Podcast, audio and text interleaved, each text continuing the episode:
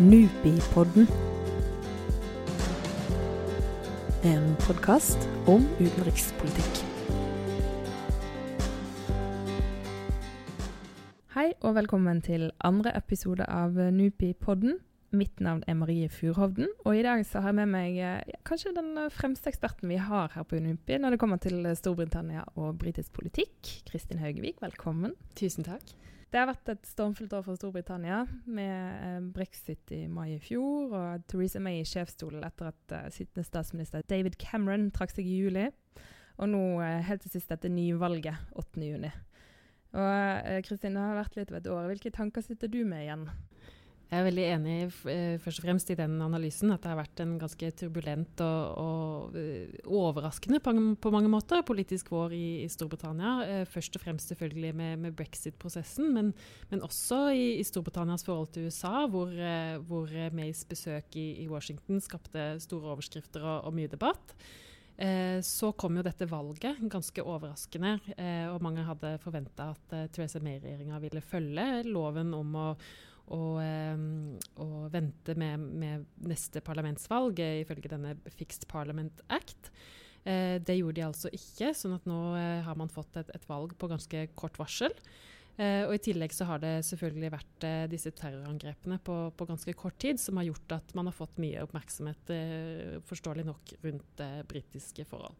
Hva er hovedgrunnen for at Theresa May ville ha et nyvalg nå, og ikke vente til 2020, som var planen? Når man ser det i, i, retrospekt, så er det klart at det er ganske gode grunner sett fra Theresa Mays og de konservatives perspektiv til å holde et valg nå.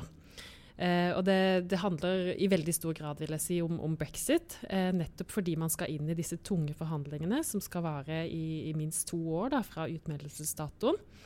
Eh, og for Theresa May å gå inn i den type forhandlinger med et, eh, et veldig tydelig mandat for velgerne, for dette blir jo også da en mulighet til å legge legge brexit-ballen litt død. Eh, det har jo vært mye debatt også i etterkant av folkeavstemningen. Eh, I tillegg så er det jo en grunn til eh, som handler om May personlig. Hun overtok, som du sa innledningsvis, eh, overtok jo for David Cameron etter at folkeavstemningen var, var klar.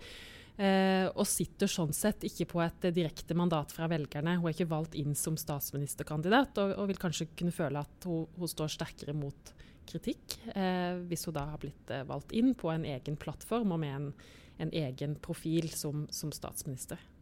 Ja, for det er jo eh, det er vel ganske sannsynlig at, hun, at de konservative vinner dette valget. Men så er det jo en, en liten joker der, Jeremy Corbyn, leder for Labour Party, eh, som plutselig har tatt den litt igjen ja, det er jo, det er som du sier, det, det er jo lite, lite sannsynlig at, uh, at, man skulle få noe som helst annet resultat enn at de konservative blir det største partiet.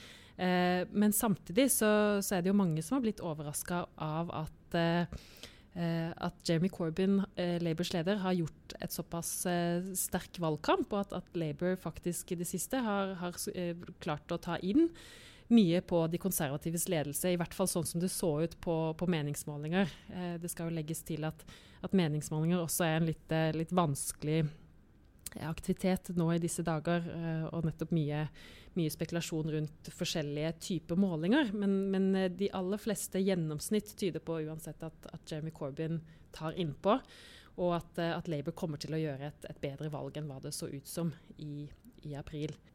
Så egentlig så kan man si at uh, Theresa May-planen har backfired. At det ikke ble så lett som hun kanskje hadde tenkt at det skulle bli.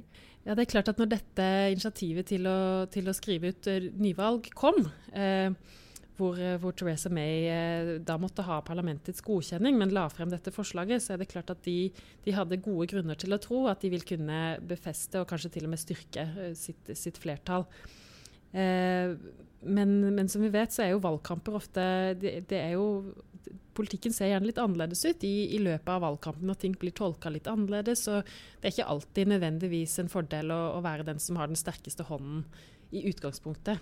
Eh, og, og, det har jo vært eh, forskjellige faktorer. Noen av de har jeg allerede vært inne på. Eh, men også dette med, med TV-debatter hvor, eh, hvor, Jeremy Corbyn har stilt opp. Og mange mener at han har gjort en kanskje overraskende eh, god figur da, i forhold til å, å kunne presentere Labour som et, som et, alternativ, et reelt alternativ til, eh, til Tory-partiet. Mm. Og hva med Theresa May, hvilken rolle har hun spilt i denne valgkampen? Ja, det som er, litt, eh, som, som er, litt, interessant å observere, er jo at eh, Theresa May ganske tidlig eh, forsøkte å, å, presentere dette som et valg nettopp om brexit og om Storbritannias framtid i, i, EU. Og har forsøkt å, å presentere Torypartiet som det eneste partiet som kan gjennomføre disse forhandlingene, og seg sjøl som den eneste sterke lederen som, som kan gå i bresjen for det. Eh, Jamie Corbyn på motsatt side har vært nesten oppsiktsvekkende lite villig til å gå inn i, i brexit-spørsmålet overhodet, og har i stedet fokusert på andre ting, eh, herunder spesielt helse. Og eh, Det kanskje mest overraskende i valgkampen er jo at, at Labour til dels har lykkes med å trekke valgkampen i den retningen, og litt bort ifra brexit faktisk eh, som pressedekningen de siste ukene. Er folk litt lei? Det er jo et veldig godt spørsmål, egentlig. Eh, fordi det det kan virke litt som, er jo at eh, fordi ingen partier egentlig nå bortsett fra det liberaldemokratene, går nå til valg på å reversere brexit-prosessen eller ønsker noe omkamp om det. Og Sånn sett så kan det jo hende at, at velgerne på en måte føler at dette er en, en avslutta sak, et litt tilbakelagt kapittel, og, og at eh, de faktorene som gjorde brexit mulig, på en måte da, blir, eh, blir faktorer som blir viktige å, å diskutere. Eh, du nevnte jo helt i starten at Storbritannia har eh, opplevd tre terrorangrep på relativt kort tid. To i London og ett i Manchester. Og hvordan har disse angrepene påvirket valgkampen og folkets oppfatning om Jeremy Corbyn og Theresa May? Vi vil jo sannsynligvis ikke få vite, tenker jeg, før, eh, før, valgresultatet er klart, og man begynner å spørre velgere om, om hvorfor de stemte som de gjorde, at, eh, hvor stor innvirkning dette faktisk har hatt på politiske preferanser. Eh, men det som er helt sikkert, er at det har, eh, har bidratt til en ny dynamikk nå helt til slutten av, av valgkampen.